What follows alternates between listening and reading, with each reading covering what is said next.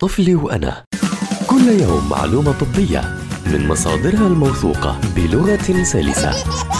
طفلي وأنا عبر أجيال مع أخصائية الأطفال وحديثي الولادة سما برغوثي. أهلا وسهلا بمستمعي ومستمعات أجيال عبر منصاتها المختلفة. نحمل الطفل لما يبكي ولا ما نحمله. من أكثر الجمل اللي بيسمعوها الأب والأم ما تحملوا الطفل لما يبكي بعدين بتعود. وهذا معتقد خاطئ جدا. من الأمور المفيدة كتير لصحة الطفل الجسدية والنفسية ولبناء علاقة قوية بينه وبين أهله على المدى القريب والمدى البعيد.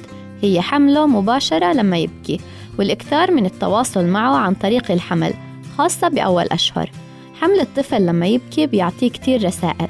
أهمها إنه عنده أشخاص ممكن يعتمد عليهم وإنه شخص محبوب وبيستحق الاهتمام فبيأثر بشكل إيجابي على صحته الجسدية والنفسية وبكبر بصحة مستقرة.